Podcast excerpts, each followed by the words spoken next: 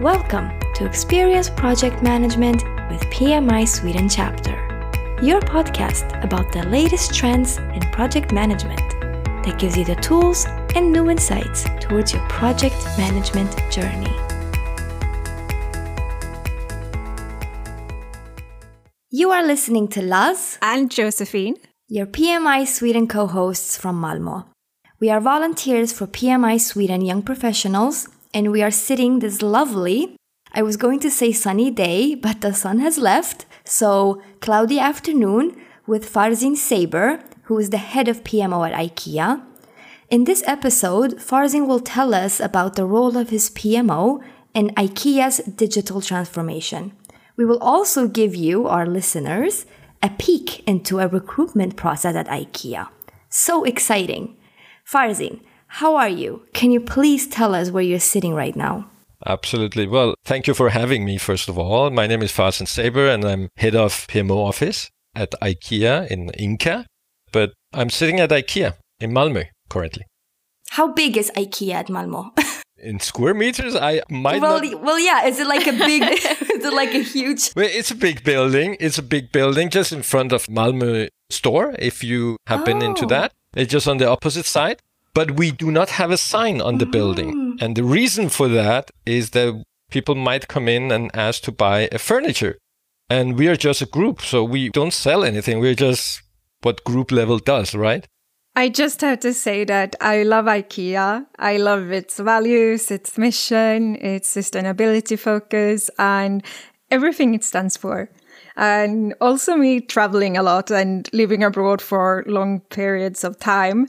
Um, visiting an IKEA store is sort of like visiting a part of home. uh, so, especially the Swedish food sections that you can find at IKEA stores all over the world. That really makes my day, and IKEA has a special place in my heart. That's brilliant to hear. And honestly, you're not the first one and probably not the last one that says that. I think a lot of people identify themselves and their values with IKEA values because they are decent values. Let's put it that way, right? Yes. Making a world a better place, I think that goes with most people's values. Nice to hear. I feel the same way. Whenever I'm at IKEA, I need to go to the restaurant first. it's like the first thing we do. Farzin, can you let us know the difference between Ingka Group and mm? IKEA Group? Because, correct me if I'm wrong, I think that Ingka Group is like IKEA retail, because I know that you guys have like stores in 30 countries. Right. And then there's the Ingka Center, which is more like a right. meeting place. It is like a smaller store in shopping centers, for example. Right. And then there's the investment, right? Where you have sustainability and other aspects and focus. Mm. I think it's important to, first of all, remember that IKEA as a whole is a very, very, very large company. It's just amazing that we have such a asset, I would say, in the Scandinavian countries. And I'm saying Scandinavian because I am from Denmark. So I kind of want to connect myself to IKEA somehow. Sweden should be very proud of have such a company. But uh, having said that, with a big company, typically also comes a very complicated structure, which also might look like that when looking at IKEA. But where I'm sitting, I'm sitting in Ingka, uh, Ingka Group. So you have IKEA Group, and then below that you have Ingka Group, and then you have the Inter or Inter Group, the international part, right? Mm. Inter IKEA invents things and they own the franchising, they own the concept, and they develop mm-hmm. the concept all the time. While in the Ingka part where we are sitting, as you very correctly mentioned, is the shopping centers. And there are, I think, if I'm not mistaken, is around 45 shopping centers around the world. And then we have the IKEA retail that is basically 374 stores around the world. And then you have Ingka investments. They typically invest in improving things. The money that comes in can be reinvested into initiatives. So when you're talking about Ingka centers, Ingka retail and investments, above that, you have the group management and you have the group functions. Functions that are supporting centers, retail, investments, and etc. on a group level. One of those areas is called digital. And in digital, that's where I'm sitting. Our PMO, we call it actually Digital Project Office. So we call it DPO, just to give a picture of where I'm sitting or what we are doing.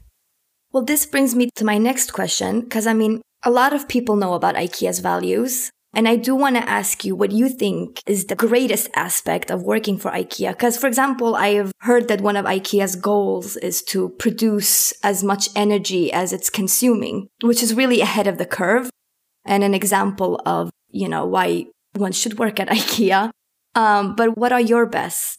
Right. So there are really a lot of different fantastic stuff that I can relate to. And that was for me also at the age of 44, I think I was when I joined. It was one of the major contributors that I decided, yes, I would like to join IKEA because today in the society, we are very much conscious about sustainability, gender equality. We are talking race equality, not only gender, and just treating humans right.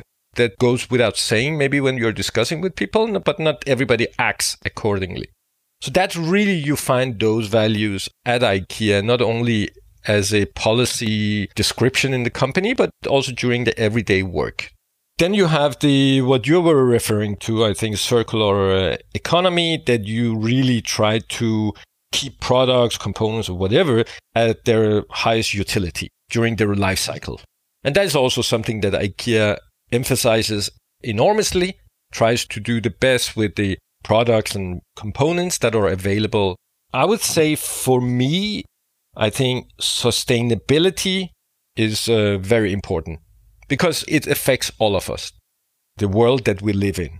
However, at the end of the day, another thing that is also very important to me is the strategy that IKEA has to be affordable for as many people as possible and be available to as many people as possible.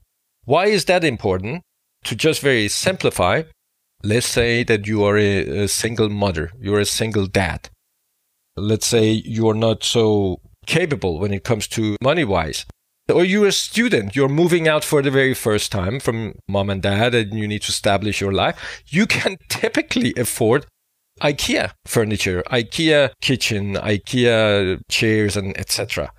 And I think that is what actually improves the quality of living for many, many people, especially those that are not so fortunate to have a lot of money. That is also very important to me. Thank you for sharing, Farzin. I also love this strategy of IKEA about sustainability and making IKEA's products affordable and accessible. So I'm podcasting from my home right now and I am a student myself. So let me look around me. uh, right now, I see almost everything in my home is from IKEA, including plants. So thank you so much, IKEA, for that. Farzin, uh, before we go deeper into the role of your PMO in the digital transformation and the future trends, can you please explain to us and our listeners who might not know what is the PMO, Project Management Office? Right. So, Digital Project Office or Project Management Office, whatever you want to call it, however you know it, is a group. It can be internal people, you can outsource it, it can be external that sets, maintains, and ensures standards for project management across multiple organizations within your company. Typically, they are the owners of the best practices, project status, directions, all that is done in one spot called DPO, PMO, whatever you want to call it. Mm. So I'm going to stop calling DPO, PMO, and I'm just going to stick to the term that we use. It's called DPO, Digital Project Office. Okay. Yeah. It's typically centralized. There can be different levels to it. So owning the standards, best practices, and direction is one thing, but you can extend it, and some companies do, that it also includes all the project managers and program managers. Mm. So you also have not only owning best practices and knowledge, but you also have the people providing that service. Then on top of that, you can have another level which is basically project portfolio ownership. And what does that mean?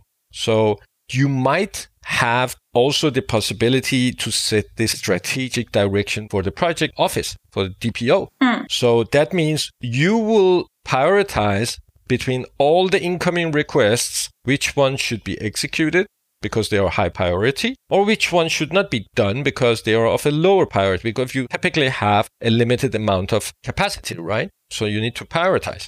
So project portfolio management sometimes lies within DPO mm. or it lies outside, maybe in finance kind of area or in the strategy or somewhere else. And right now at IKEA, in my area, we are going through a digital transformation, as you guys heard. And that is one of the areas that right now we are taking the ownership of the project portfolio in DPO, but in collaboration with the domain managers that are sitting out there. But it's still a discussion, and we are also learning as we are going ahead to figure out okay, what is the best fit for us? Thank you, for for defining this for us and for explaining those different levels that the PMO can have. Now, can you please describe a bit more about the role of the IKEA's digital project office and what do you do exactly? As mentioned before, we own the best practice. We mm. have knowledge and we also have project managers and program managers. And mm. we're also partly owning the project portfolio. So all the kind of different levels. Now, today we are sitting in digital organization. So one of the group functions that is provided to retail centers and etc. What we do is that we get a request some kind of a, a, domain or a platform, or it can be any unit, they need to do something that is not a work that they typically do. Either there's a start date or an end date, or it's something new they want to try out, which they don't have workforce for it. And they want to try out if this is something that they will provide in the future and they want to test it out. And for that, they need a project manager. So what we do is we evaluate. We have certain areas we need to go through. For instance, is it approved? Do they have a budget? Is it a priority? And all that kind of stuff we need to check. If it's a yes on all those topics, then we take it into our staffing meetings that we have every Thursday. And then we try to see, okay, do we have available project leaders or program managers? If we have, and there's a match, we will apply one project leader to that uh, initiative. If we do not have an internal one, we might go out and get one from one of our partners.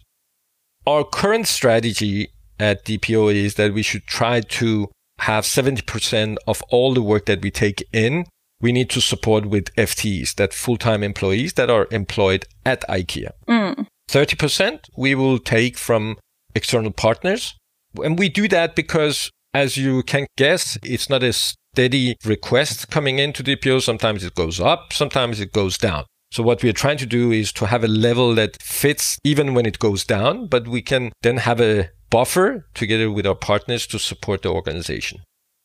Today we support all the digital initiatives at Ingka and we also kind of act as a center of excellence towards the countries. Uh, if they have questions, if they want to know what is the best practice in a process or for a certain area connected to our area of expertise, we help out. This is very interesting that around 70% of the project leaders who are assigned to new project initiatives can be full time employees, but that there is 30% open to external professionals. So I think that is very exciting for the people who work at IKEA now, but also for other project leaders.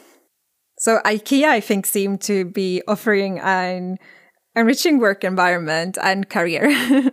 when you all have this size that IKEA has, then you have so much possibility to create a very exciting work environment, I would say. Not only it's one of our highest attention to make sure that our project leaders they go through a exciting and developing career, both from a knowledge perspective, but also if they want to move to a country, work there, or if they want to stay here is also perfect. Or even if within the same location, they want to start working with something else, that we support that as well.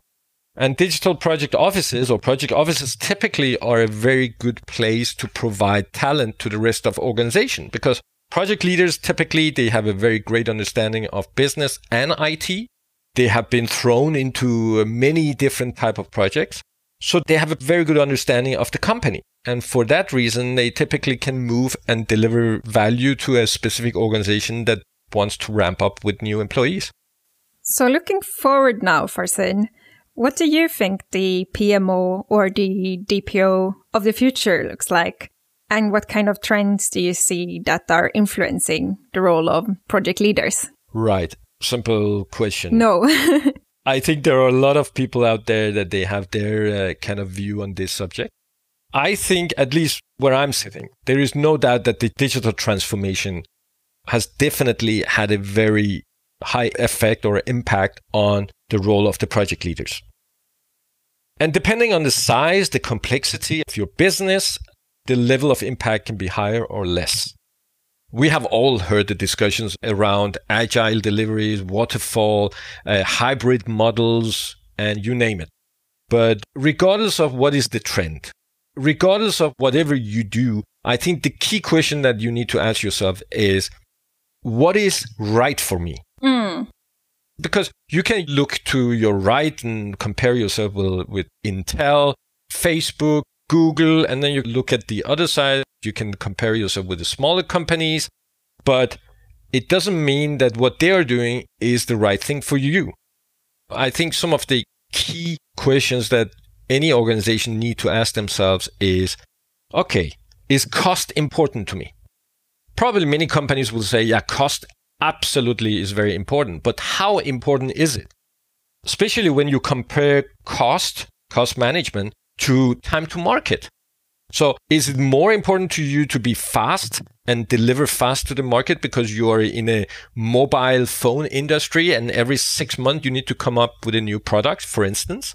Or are you in a more conservative industry where there are not many changes? Time to market might not be key and competing on price is more important. Okay, then cost is more important. Another question that you might also have to ask yourself is what does innovation mean to a company? Either you are a very innovative company, again, back to the mobile phone, you need to come up with new models, new technology, or you are building houses and you just put a break on another break and you have been doing that for many, many years, right? Even though there are changes there, I'm not saying there are no changes in that construction industry, but it's less innovative compared with the mobile industry, right? I think we can agree around that. So why is all those important? Because that will lead to figuring out the model of the DPO mm. that suits you. Because if it was just one model suiting everyone, then there wouldn't be any difference between company A, B, and C, right? Mm. That's where a mm-hmm. capable and a good management will sit down and figure out what kind of competitive area we have, and then they construct the delivery model accordingly changes I'm seeing currently that is affecting us due to the digital transformation. You know, it's not many years ago, there we were talking about project management as major three components cost, time, and quality. Very important stuff. That was the project leader's role to make sure those three objectives are met. Today at IKEA, moving more towards a product driven delivery model that comes with digital transformation, we are seeing more and more that we need to start evolving project management not about cost, quality, and time, but we also need to look into communication, result focus, the output. What do we get rather than maybe the cost that goes in? Why? Let's say you put one crown in, but you get maybe two, three crowns what if you can increase the cost to two and three, but you get 10 out? Mm. So then cost maybe doesn't become such a attribute, but it's more, okay, what do we get at the end of the day? And what does our customers get? So we gain their trust and more sales and etc. Another important area that we are also seeing that contributes to the success of our project leaders and what's going to happen with project leadership in the future is analytics. Today, we have more and more access to information. Everything that we do digitally, we leave a trace. And all those traces, together with the data that we have at the company level, will give us an idea if the choices that we make are actually the right choices much more earlier than previously. Even if we think something is a good idea, analytics, hopefully as quickly as possible, will indicate, well, we are not on the right track. And then that's also a very important information because then we terminate. So those are, I mean, just on a very high level, I think those are the trends and important changes that we see, at least from where I'm sitting today. So, sort of to summarize, different priorities require different solutions. Absolutely, a key. Within the global project management community, there is an ongoing discussion about different methodologies and project models from waterfall to agile, like you mentioned before. So how do you run projects at IKEA? Do you have any preferred methods or models that you use? Right. Maybe I'm smiling a little bit because having a little bit of a gray hair, yeah, it's fair to say. I think we going back in time, I mean, the good senior project leaders, they have been doing agile for many years back when the word agile didn't even exist, right? For those senior people, it was not a question, oh, now I'm doing agile project management or now I'm doing whatever. You were just doing the right thing based on what was required from you. I mean, one of the key things in agile is to deliver value as fast as possible. Who doesn't want to do that? That's the difference between a senior project leader and less senior project leader, because a senior project leader will definitely in the kind of planning phase will look into, okay, can I, for instance, can I improve my working capital by harvesting benefit as quickly as possible to pay for the further development of the project? Those discussions and evaluations would have been part of a senior person's mm. evaluation. Obviously, agile delivery there is a method for delivering agile initiatives. And in DPO, we are also looking, okay, does it make sense to, you know, work with sprints and uh, continuous improvement and all those kinds of So how we do it, because sometimes we do not know that when we get a request. So request comes into us. Maybe we don't even know what are the objectives, what delivery model should be applied. And there are a lot of questions up in there. So what we do, we have started around eight months ago, nine months ago, something we call Start Right. Basically, what it means is that we try to start every initiative in the right way. And how do we do that? When we have kind of figured out, is this initiative approved? It has a budget, all that kind of checklist that I mentioned before. Then we allocate a project leader that within the first four weeks will figure out what are the objectives, what should be the delivery model. Should it be hybrid? Should it be agile? Should it be waterfall? Whatever. What kind of approach shall we have? What are the phases we need to go through? What are the main stakeholders? What kind of organization do we need to have in place to be capable of delivering that? What are the prerequisites? What are the risks? And all that. Mm. So once the PL has done that within the first four weeks, we call it a PID, project initiation document, that is sent to the project office and they ask for a challenge. So what we do is three senior people in DPO will read through the PID and then over a two to three hours session, and it's a closed room session. So people are safe and they feel like they are getting valuable help from their colleagues. We try to sink that PID. So we try to put a hole into the pit. So we will ask tough questions. We will act as the devil's advocate to try to see does the plan hold up? So it's a quality assurance process. So once we start executing on that plan, we have an idea, yeah, it will work. I really like that technique to make sure at the beginning that this is the right project and that it will work.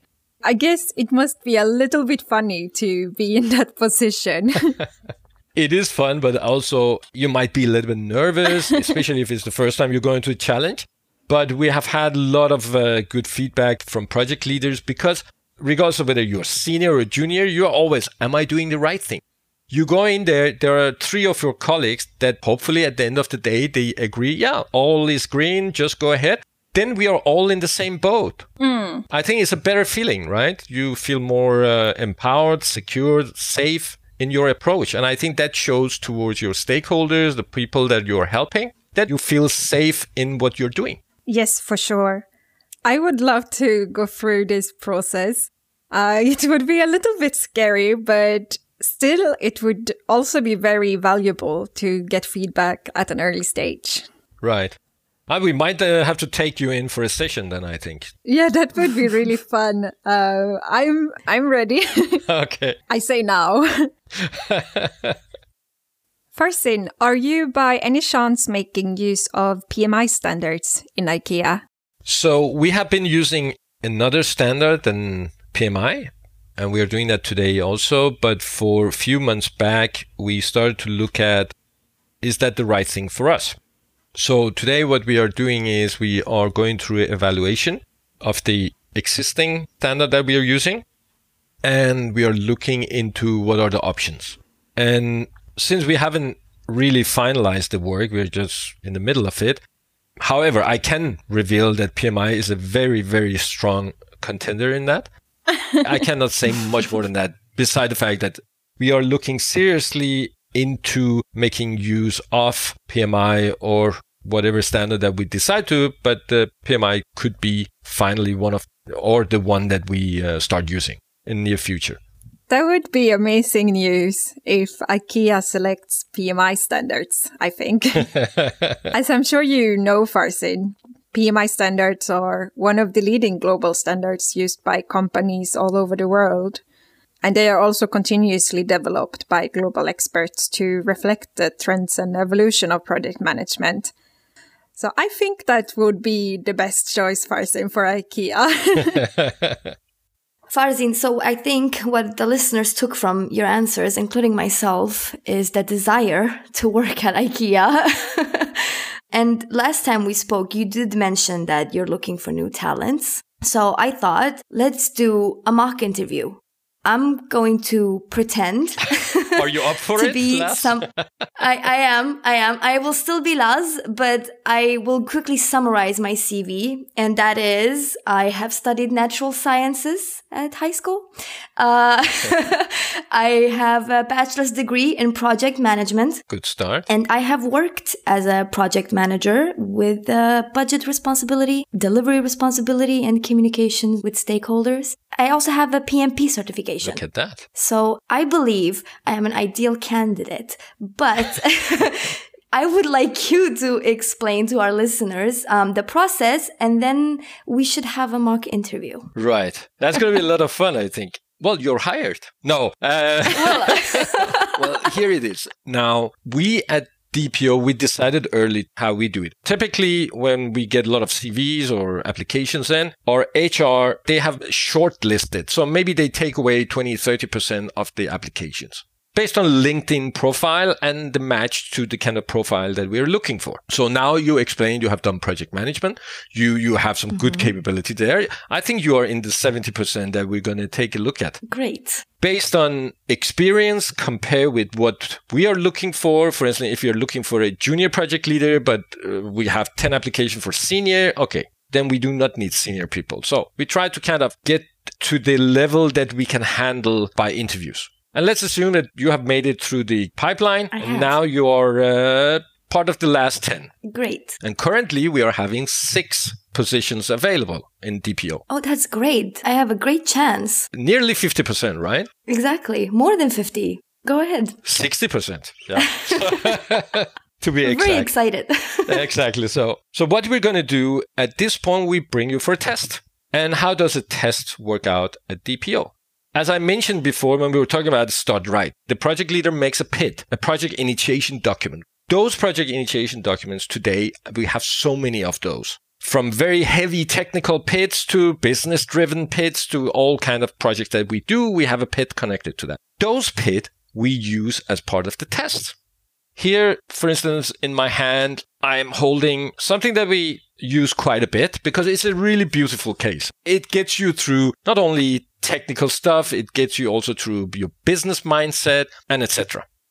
What is really important during the test is that you are very fact driven. You are very capable of formulating yourself. You are strong when you're arguing. Yeah. Let me give you an example. Some people might read something and then they say, yeah, I have a feeling that uh, we need to increase revenue because that's important. My question would be, why do you feel how do you may build your argument around that we need to increase revenue because that's important? Not stomach feeling. That's not what we are looking for. Believe it or not, some people do say that. Right. That's not a good thing. I won't say that. Okay, brilliant. In this test, you're getting 22 pages that you need to read within 30 minutes.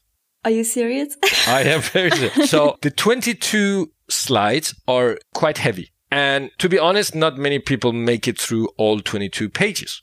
It's not possible. I couldn't get through the 22 pages. What is important is how do you browse through the 22 pages? What are the information that you pick out and you say, okay, this is important. And how you build your storytelling. How do you tell the story back to me? Assuming that I don't know anything about this project. So right now we're going to do a test, Lars. Oh God. In my hand, I'm having one of the key slides that's very, very important to me and if somebody misses this slide, it's very disqualifying, I would say. Oh no. so this is the objective about why we're going to do this project. So people come back after half an hour and then they say, yeah, what we need to do is this and this and this. And they forget to tell about the most important thing. Why are we doing this? What is the reason?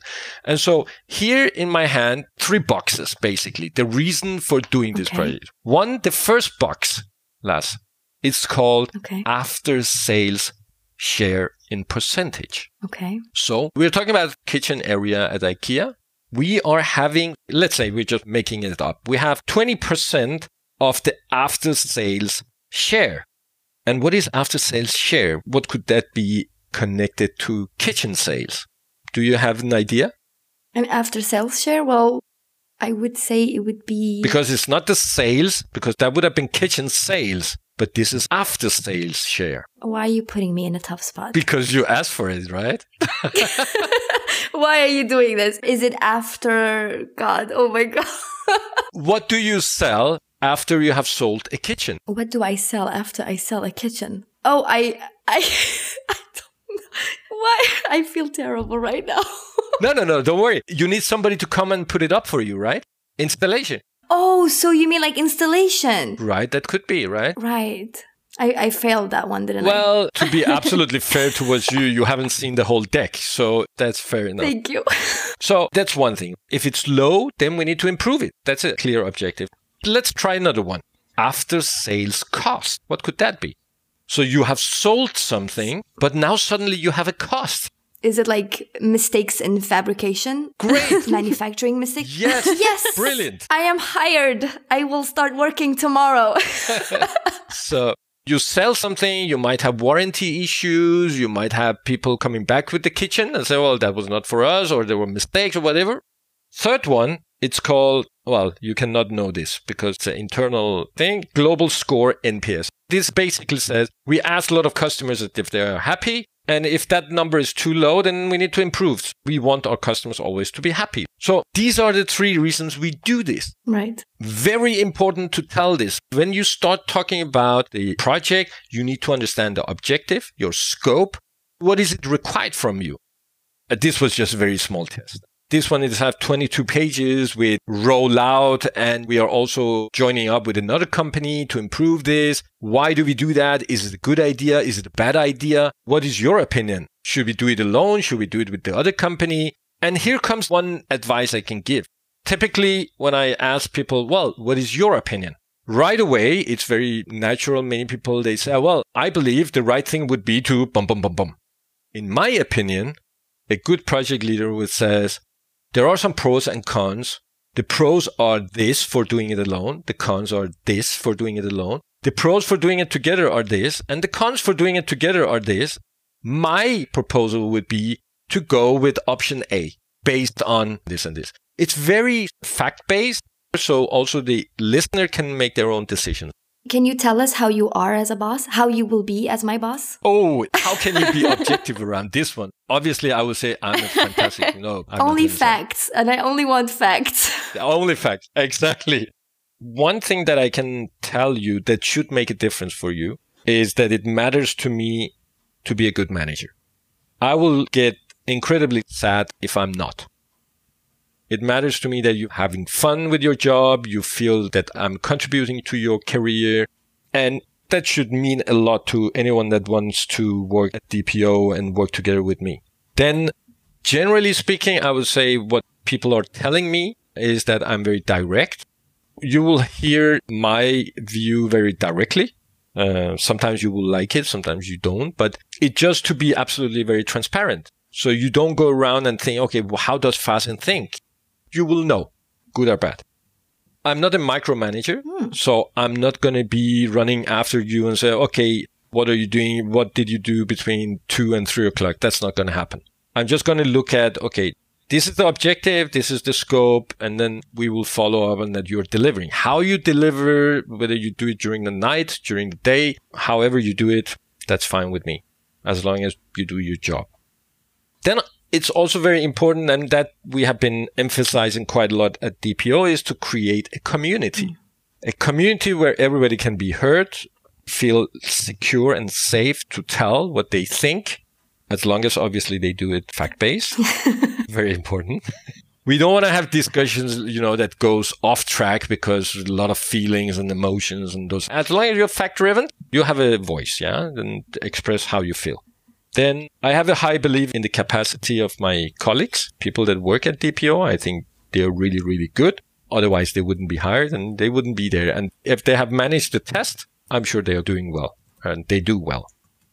And finally, another key thing that is important to me, which will be important for you to know is that it matters to me that you get a good career, you become successful, whatever that is. I just want to contribute. So at some day I can be proud that you become whatever you want to become and I can be a stepstone in that direction. I think you sound like a great boss. Farzin. I do want to make sure though that it's all based on facts. Uh, no, I'm sure it is. I'm sure you have a lot of people backing you up and a lot of successful people. I believe that. And I would also love to have you as my leader I just need to practice my speed reading skills before the interview process. Thank you so much for sharing the whole process and all the insights and tips. This is really perfect for me and the listeners who are in the beginning of their career, but also for experienced project leaders and those working in the PMOs. Sure. Am I hired, Farzin? You're absolutely hired. There is no doubt. I got one out of three, but the third one, it was internal. It was not possible for you. No, no, no. So it was 50 50. I feel like I should get it. I yeah, you had 50 50 there. You had a 60% chance in the beginning. I think I'm good. That should, that should do it, I think. I think it's good. so to round it up, I would love to hear your opinion. What is a successful project for you, Farzin? Right. In my opinion, the important thing is not to put an equal sign between that you deliver what is expected or that you overperform in comparison with what was expected from you. Because sometimes people say, well, I delivered what you asked. That must be a successful delivery or that's a successful project. And sometimes people say, well, we did the project faster than uh, was expected. So it must be a successful project as well. Not necessarily, I say, because sometimes you can sandbag and during the planning phase maybe you put a lot of buffers in and you mm. made it right? That doesn't make it as successful. Or let's look at the other way around. Sometimes you start with a project you figure out well this is not a right good project. It will never bring back the money that we're going to invest. But you keep on going because you plan for it.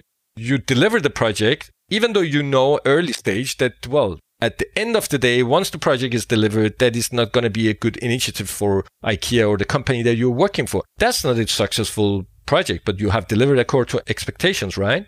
So for me, it depends. I know people hate to hear depend and, you know, you're not giving a yes or no answer, but it's also very important to terminate if something is not looking to be a project that will be successful once it has been delivered. That's also successful project. I compare it with a startup company. That startup, they have a capital. Then they start doing what they thought would be a good idea, but in the middle, they start running out of funds or it doesn't look like a good idea, but they keep on pushing. That's not a good idea. We know that because then you get through it, you get to the end of it, you start your company, but you go bankrupt maybe one year later. That's a great insight. Do you have any tips for future DPOs and PMOs who are maybe listening right now? Yes, I have a very, very important tip.